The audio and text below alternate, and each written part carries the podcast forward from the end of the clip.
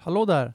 Ni har väl inte glömt samarbetet med Grand Frank som säljer skjortor, klockor, mockajackor och massa mer via sin e-handel. Och nu har jag och Jens fixat så att du får 15% på hela sortimentet om du anger rabattkoden Yrkespodden i kassan. Jag är själv supernöjd kund och har flera skjortor av deras märke. Tack så mycket Grand Frank! I detta avsnitt träffar jag superentreprenören slash kläddesignern Erik Bergström som startat Grand Frank. Jag åkte upp till Stockholm för att intervjua Erik och vi pratade om hur han startade Grand Frank, hur en e-handelsutbildning ser ut och hur hans morgonrutin ser ut. Och hur lång tid tar det egentligen om man beställer en skjorta från Grand Frank? Och hur blir man en vass entreprenör? Häng kvar för ett spännande avsnitt med Erik. Nu kör vi!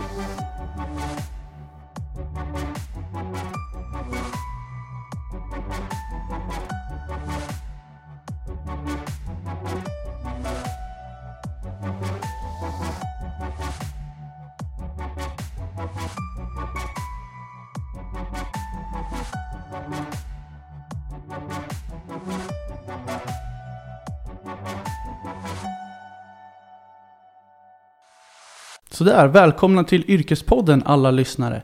I dagens avsnitt så har jag med mig en gäst som heter Erik Bergström. Välkommen! Tack så mycket, tack Jens. Hur känns det att vara med på Yrkespodden?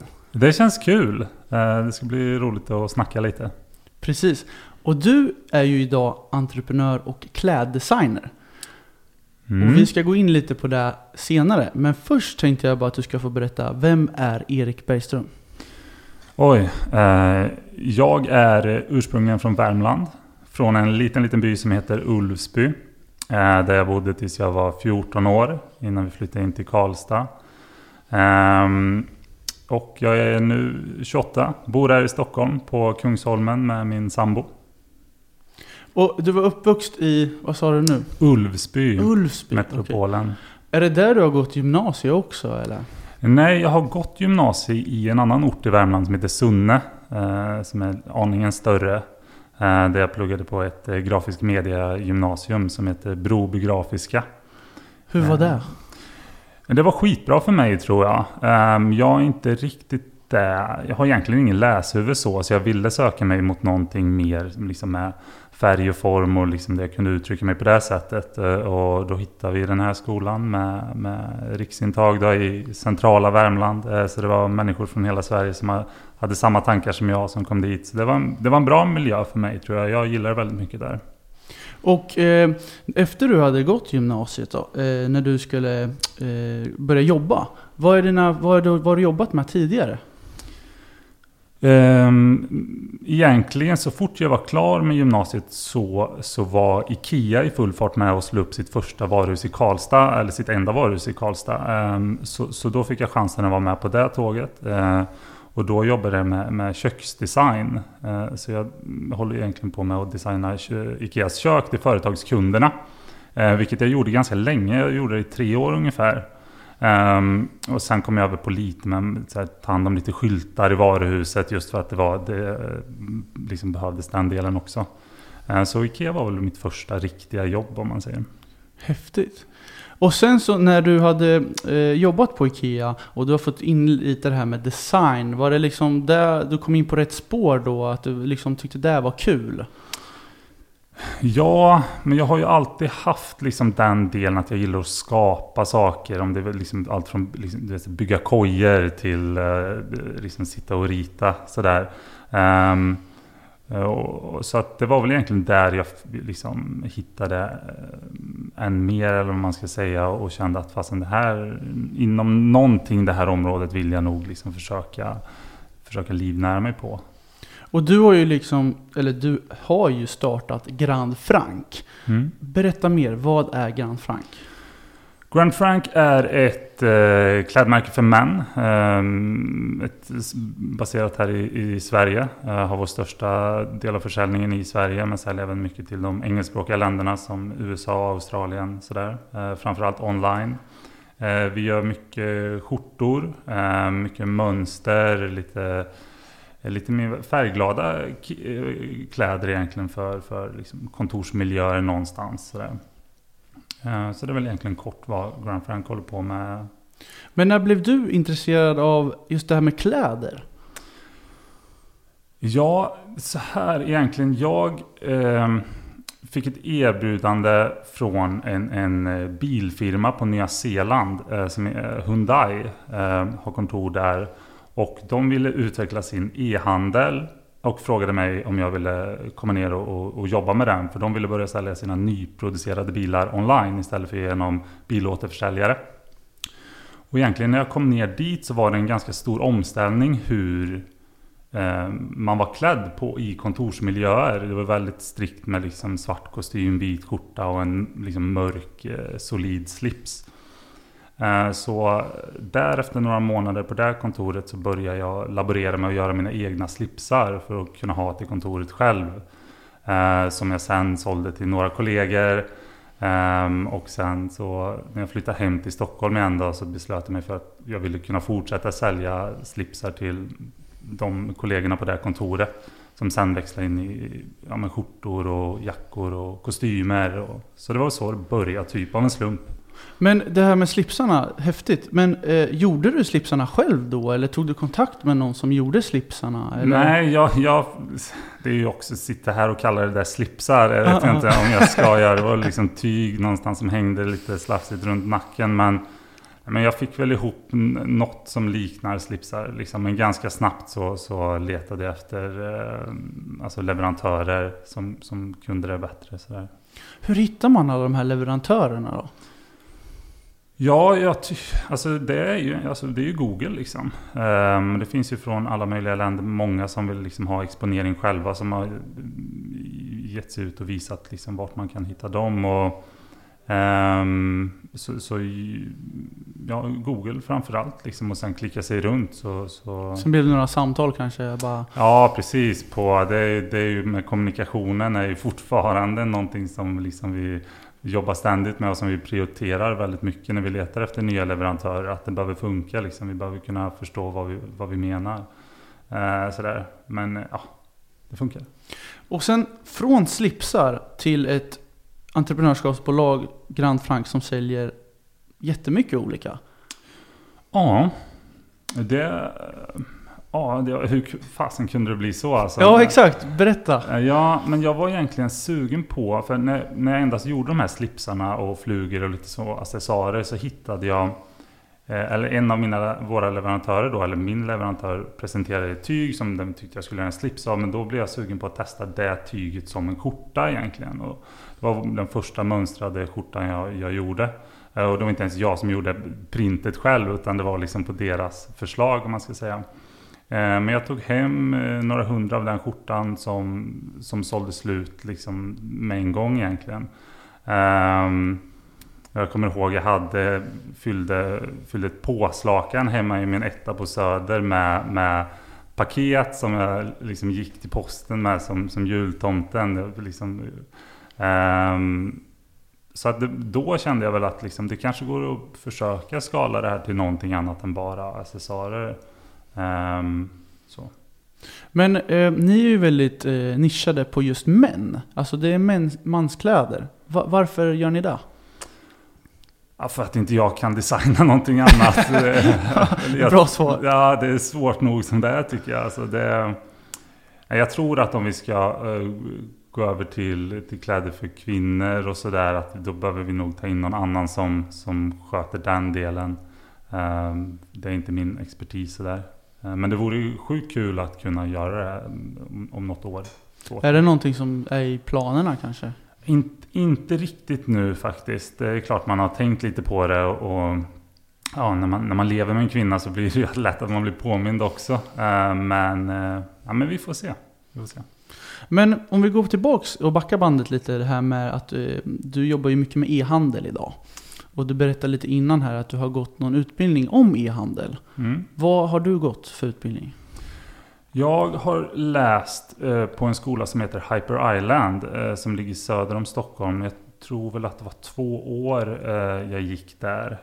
Och det var egentligen en renodlad eh, e-handelsutbildning. Man säger allt ifrån affärsplan, men du vet, till marknadsföring till, till liksom businessdelen. Och Ehm, det var väl där som jag kände att fastän det finns ändå en ganska stor potential att, att kränga grejer på nätet liksom och, och, och väldigt intressant att kunna ha hela världen som sin spelplan någonstans. Så, så det var väl det som lockade mig i det om man säger. Hur ser den utbildningen ut då? Är den ett år eller en kurs eller hur? Ja, det finns ju lite olika program. Det finns också med traditionell art director och digital media och, och, och sådana saker. Nu läser jag e-handel. Jag, jag har för mig att det var två år men att nästan ett, hela sista året var eh, praktik då, eller ute på, på företag egentligen. Um, Vart var du då någonstans då? Då var inte jag ute på något företag utan eh, jag började, jag, jag, tillsammans med en annan eh, av mina klasskamrater startade en egen liten digitalbyrå typ. Så vi satt och gjorde hemsidor till, till företag. Och det var egentligen på den vägen som ja, Hyundai på Nya Zeeland fick nys om oss. Att vi höll på lite med e-handel. Um, och det var så vi kom ner dit. Om du skulle beskriva den här e-handelsutbildningen för, för folk som är väldigt intresserade av e-handel. Vad kan de förvänta sig att man får göra liksom? Ja, men själva läroplanen på Hyper Island är... Det finns inga lärare och man har liksom inga läxor eller prov eller, eller sådana saker. Utan det, det samlas människor som har jobbat några år i branschen eh, för att lära sig av varandra helt enkelt. Eh, och sen är det företag som ja, Coca-Cola vill göra någonting nytt och som så, då vänder sig till Hyper Island för att kunna få hjälp med det. Precis som man vänder sig till en byrå. Eh, och så blir ett sånt case designat till några av studenterna som, som skolan tycker är rimliga för det. Eh, så det är väl så själva upplägget ser ut. Eh, och det passade mig väldigt bra just med den flexibiliteten och, just den sociala biten. Och inte bara sitta och läsa eller lyssna eller sådär. Ja. Jag förstår. Men det här bolaget som hörde av sig till er i Australien, eller Nya Zeeland var det. Mm. hur blev det med det?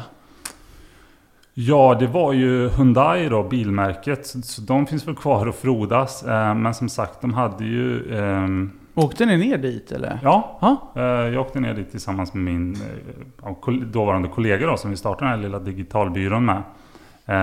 I Auckland. Och vi jobbade med Hyundais hemsida för att de skulle kunna sälja sina nyproducerade bilar online. Och att vi skulle sköta leveransen, att vi körde hem bilarna istället för att man skulle behöva besöka återförsäljare då. Ehm, och det är en tjänst som de fortfarande erbjuder som en av de första i världen. På, nere på Nya Zeeland kan man klicka hem en ny Hyundai Triet om man vill. Och det är alltså ni som har skapat den alltså? Ja. Men har, har du någon typ av patent på det? Att det är ditt liksom? Eller har du sålt det vidare till dem? Eller? Nej, nej för fasen. Det var ju inte egentligen... Alltså alla funktioner och så finns ju. Det var mer att produkten var lite unik då. Eh, med, med nya bilar. Eh, som man gärna vill testköra egentligen. Så vi la väl ganska mycket fokus på att försöka skapa någon slags eh, testmiljö digitalt. Eller liksom så man ändå skulle kunna få en känsla för, för vad, man, vad man köpte. Liksom. Hur länge var du i Nya Zeeland då? Jag var där eh, knappt ett år. Eh, var jag. Och sen så åkte du hem till Stockholm igen? Ja, precis. Och då började du satsa på Grand Frank? Eller var det någonting däremellan som kom? Nej, det var Eh, Grand Frank eh, direkt egentligen och delar av lagret hade jag redan beställt hem till Auckland. Så jag kommer ihåg att jag fick ta med mig några extra väskor på planet med slipsar och flugor och sånt där. Ehm, nej men sen, sen dess har jag bara jobbat med det om man, om man säger så. Och eh, om vi börjar från grunden då, när du börjar med Grand Franco. Hur, hur liksom, eh, började du helt själv först? Började du anställa någon direkt? Och ni jobbade i team? Eller har det här liksom flutit på successivt? Hur har allt börjat? Ja, eh, jag började själv och eh, byggde upp själva e-handeln nere då på Nya Zeeland. Samtidigt som jag, som jag satsade mycket tid och liksom energi på att få någon slags följarbas. Eh, eller med, med, med kunder som kunde tänkas vara intresserade sen när jag väl släppte sidan. Så jag startade lite så Instagram-konton med inspiration och, och sen eh, så kunde jag bygga upp en följarbas där och sen då Grand Franks hemsida var klar så, så kunde jag liksom mer så här, ja, nu finns den här typen av kläder att köpa på den här sidan. Um, och sen ungefär ett år in i resan så, så eh, tog jag in den, den andra delägaren då, Sebastian Tomek, eh, som också började jobba heltid från dess. Eh, så. Men jag tänker på det här, när man startar en hemsida, det är ju ganska pilligt. Gjorde du allt det där själv eller tog du hjälp? Eller tog du någon, någon som är duktig på design och kan göra hemsidor och sammansvetsa det där? Eller har du gjort allt själv? Ja, jag gjorde det själv. Sen var det inte, inte världens bästa hemsida första, första versionen. Men, ja, men jag hittade någon, du vet, så här, som en Shopify-lösning. Liksom en befintlig plattform där, eh, där det fanns liksom färdiga teman som var liksom ganska enkla att redigera. Sådär. Um, ehm, men sen är det, det är ju lite pill med produktfoto och liksom eh, men SEO du vet och sådana saker. Men ja, det, det funkade att köpa i alla fall. Så, så jag var nöjd med det eh, då. Grymt. Men du, idag jobbar du som VD och ägare. Mm. Eh, och jag har bara en liten fråga. Vad gör du om dagarna? Ja. Hur ser en morgonrutin ut till exempel? Ja, jag försöker faktiskt få mina dagar att gå mer och mer mot produktfokus. Det vill säga att jag vill lägga mer tid på att designa våra produkter och, och mindre tid på egentligen affärsutvecklingen faktiskt. För, för det är inte min styrka eller där jag liksom vill utvecklas inom. Och, um, så det är väl mer, jag försöker lägga mer tid på och mindre tid på möten och mer tid på att göra bra grejer. Um, Eh, sådär. Kort svar. Ja, men eh, eh, när du jobbar nu eh, som VD och det är till exempel eh, saker som händer på jobbet. Det är, kan vara att eh, leveranser inte blir i tid. folk, det kan vara allt mm. möjligt. Hur tacklar du liksom problem i yrket? Det går ju, det är ju inte någonting som är statiskt utan det går ju verkligen i vågor hur man hanterar sådana lägen. Och, eh, jag har tidigare varit ganska eh, ja, men jag blev ganska, eh, liksom, eh, inte arg, men liksom väldigt engagerad i, det här är ju mitt barn liksom, som någonting går fel eller... Precis, jag har hört det där så mycket av entreprenörer när jag lyssnar på poddar till exempel. Mm. Att liksom, om man har sitt eget, det blir ju som sitt egna lilla barn. Ja. Precis som du beskriver. Ja, nej men då, då är det så här, för mig är det här det viktigaste i världen och sen så är det i början så förstår man inte, men hur kan inte det här vara det viktigaste i världen för dig? Liksom, men som bara har det som arbete. Eh, så det är väl någonting som man får lära sig att hantera på ett bättre sätt och förstå att man har liksom lite olika intressen just i den biten. Och sen lyssna mer och, inte... Jag måste lära mig att, att prata sist liksom. Eh, låt alla andra få prata först och sen eh, om jag har något att säga så, så, liksom, så, så säger jag det sist. Men hur ser det ut i er organisation då? Eh, eh, har ni väldigt decentraliserat att alla får vara med och tycka och tänka och du är väldigt öppen för idéer? Eller är det, nej det är jag som ska ta besluten här nu. Hur ser det ut? Nej men verkligen så har vi så och det, för att återgå till just min VD-roll så är det inte jättemycket av en VD-roll utan vi är tre delägare nu som egentligen tar de stora besluten tillsammans eh, och även delar på personalansvar. Um, det funkar bra för oss. Nu är inte vi en jättestor liksom, organisation utan ehm, eh, nej, men lite så att vi försöker dela upp olika ansvarsområden för att kunna specialisera oss eh, på det. Sen är det klart att det blir ett övergripande ansvar eh, vad gäller de olika delarna för att se att liksom, vi, kan, vi bör få ihop något i slutändan också eh, som faller på vdn. Sådär. Men om du ska bara få kort beskriva lite som vi var inne på, typ en arbetsvecka. Vad, vad gör du? Är det mycket möten eller är det mycket ute till kunder eller är det prata med leverantörer? Vad händer i ditt liv? Liksom? Ja men ungefär de sakerna som du precis sa. Det är ju...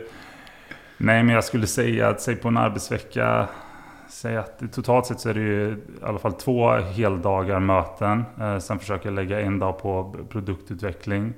Um, sen så är det marknadsföringskampanj eller liksom vi åker och besöker leverantörer i Portugal eller Kina eller Japan, Italien uh, och sådär. Ehm. Är det de länderna ni har mest samarbete med eller? Ja men det är framförallt Sydostasien samt eh, Portugal och Italien är väl... Eh, är det de som syr skjortorna eller gör, vad, vad gör de? Ja, eh, skjortan gör vi i eh, Jivo, en stad i eh, östra Kina. Eh, okay. Där vi har jättebra kontakt med en leverantör. Um, Hur fick ni tag i han då?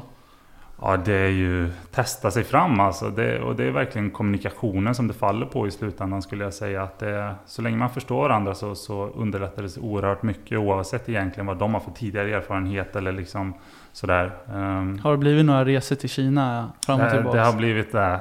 Det har blivit det i olika ärenden. Och jag ska försöka göra mer resor dit med positiva ärenden i framtiden. Men de har ju sån annorlunda kultur där borta. Du kanske har märkt av det? Att i Kina, att det, vad jag har hört är det mycket så att, att kineser att de, de gillar, they like to be told to do what to do. Att de liksom, ja. man måste ha liksom en, en milstolpe för att de ska fatta vad de ska göra. Eller du som har varit där, hur, hur går det till?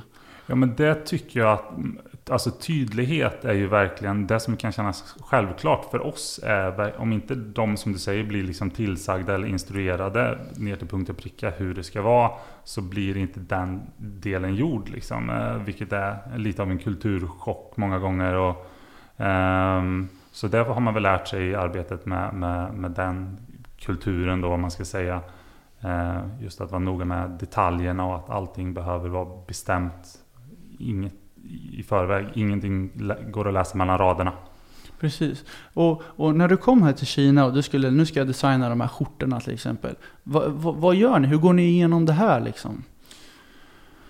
Ja, det är ju lite olika. Ofta så träffar man ju kanske en leverantör på en, eh, en mässa. En leverantörsmässa där olika leverantörer ställer ut och man får liksom prata med dem och titta på vad olika leverantörer kan göra. Eh, sen försöker vi besöka fabrikerna för att se arbetsförhållanden och att allting liksom ser schysst ut. Ehm, eh, och sen sitter man uppe på något rökigt kontor och de sitter några där gubbar och dricker whisky och så kan man inte prata med varandra för man kan inte språket. Eh, men man skrattar ändå lite du vet och sen så åker man hem. Så det är väl så ungefär. Men Kina är ju väldigt, eh, alltså en stor, stor del av e-handeln idag kan jag tänka mig. Eh, de flesta, speciellt kläder, är väl från mycket från Asien? Är det inte så? Jo, men exakt så är det ju. Och, men nu är det liksom, det börjar bli också dyrare inköpspriser för oss varumärken i, i Asien. Och det är ju, vi har ju vänt oss till mycket södra Europa också, för nu börjar det liksom bli konkurrenskraftigt även i, i pris. och, och Sen är det ju Kina, de vet vad de håller på med. De har gjort liksom, till exempel skjortor så pass länge så att ska vi få den professionaliteten från ett liksom lite mer hasta land som Spanien så är det svårt att... Ja, det är lite mer punktligt i Kina på så sätt när man har liksom fått in det här ekorrhjulet på något sätt. Så, ja, men eh, ja, det måste väl vara, jag vet inte, 90% av all klädsproduktion som fortfarande görs i Kina eller i alla fall Sydostasien inklusive eh, Vietnam. Då. Jag förstår.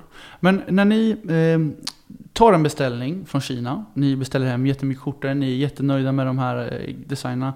Vart hamnar allting i Sverige? Har ni ett centrallager här eller eh, kommer det till kontoret som vi sitter på kanske? Mm. Nej.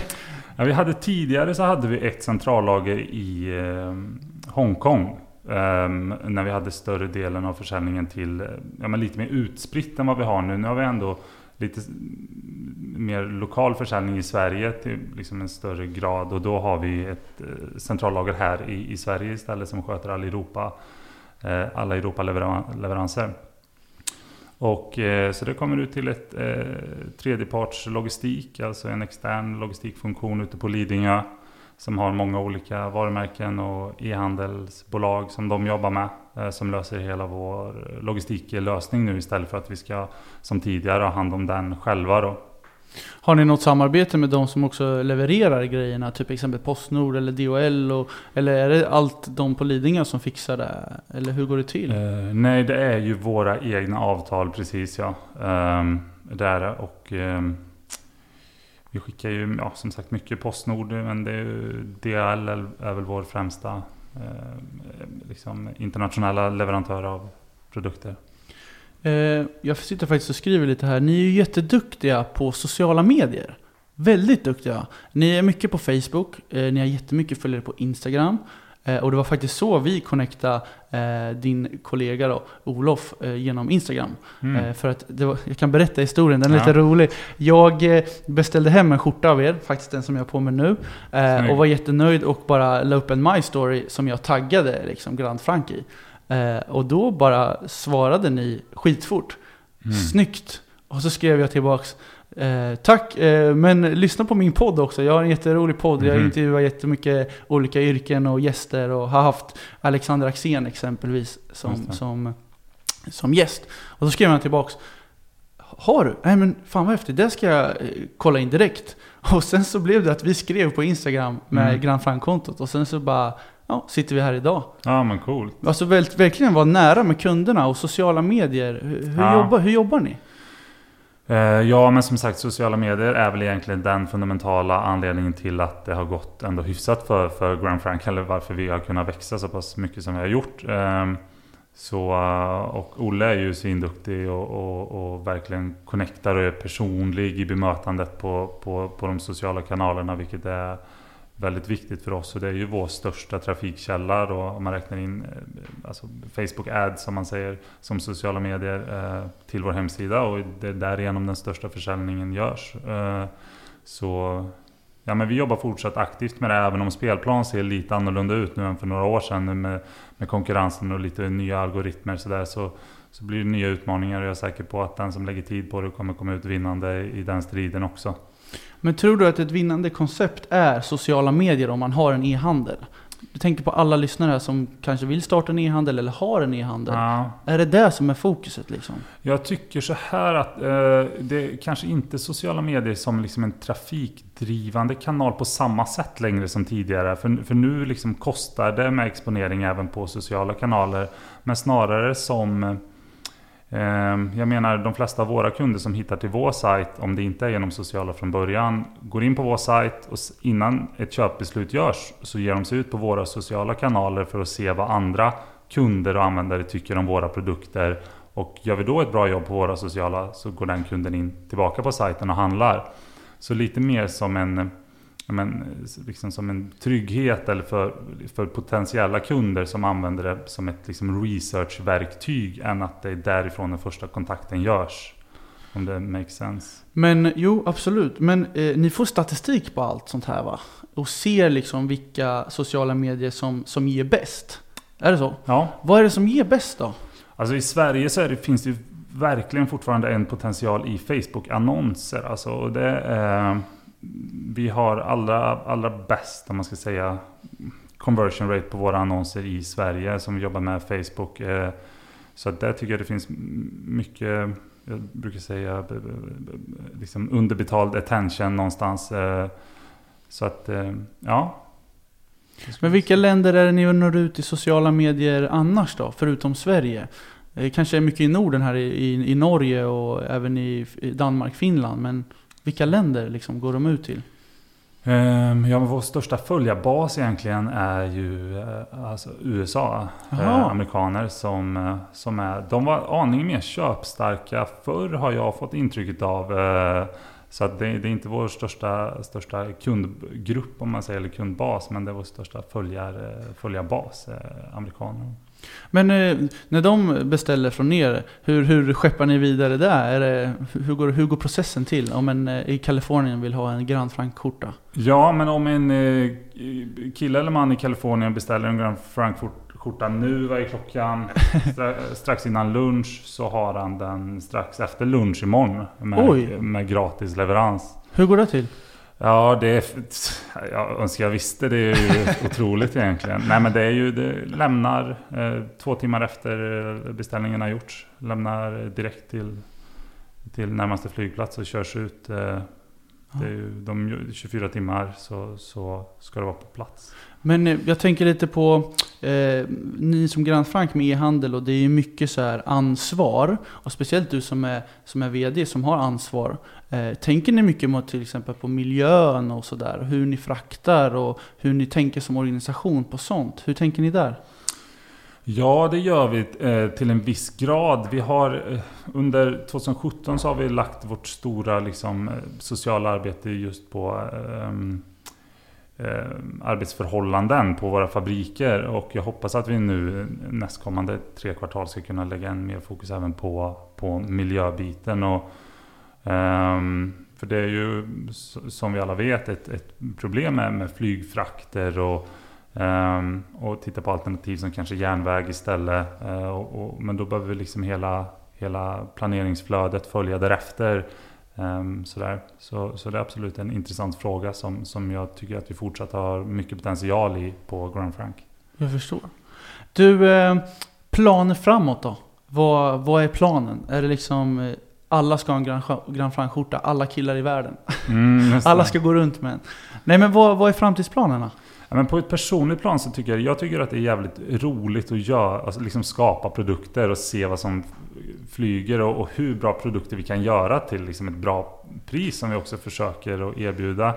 Eh, så, så på ett personligt plan är det att fortsätta släppa nya produktkategorier och liksom få feedback och bara interaktioner med kunderna och liksom skala företaget tillsammans någonstans. Precis som Olle är bra på, på de sociala så vill vi liksom att det, det ska vara ett utbyte där. Och sen är det såklart att jag är sugen på att även öppna fysiska butiker på sikt eh, som mm. ett komplement till onlineförsäljningen. Både i Sverige men också på andra kontinenter om man säger sådär.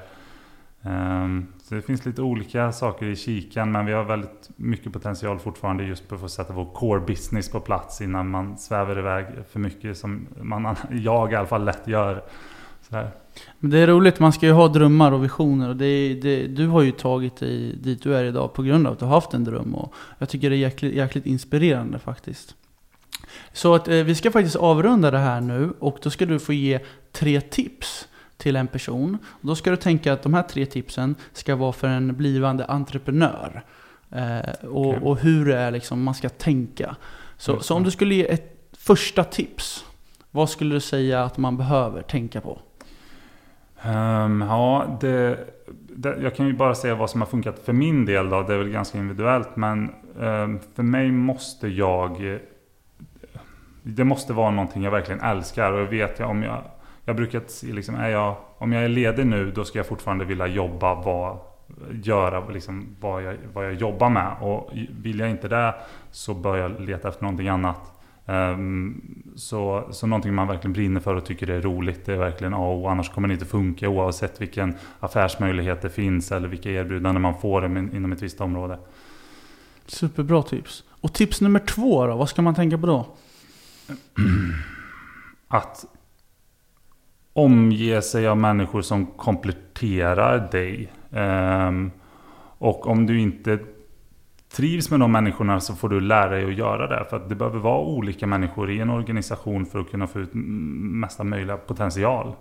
Um, även om det är lättast att bara liksom associera sig med eller de människorna som är mest lika en själv. Det är lätt att man dras den vägen. Men att våga verkligen att leta på annat håll. Och ett avslutande tips till en blivande entreprenör? Ja. Nej men det är väl fan om du bor i Sverige liksom så, och liksom har det skyddsnätet vi har och verkligen har en dröm så kör. Det är nästan din skyldighet att göra det. Vad fan, det finns, vi är i en verkligt bra situation för att testa våra vingar. Uh, så, så gör det om du kan. Tre superbra tips från Erik Bergström och grundare av Grand Frank. Tusen tack att du ville vara med på Yrkespodden. Ja, men tack så mycket Jens. Säger vi hej då. Hej.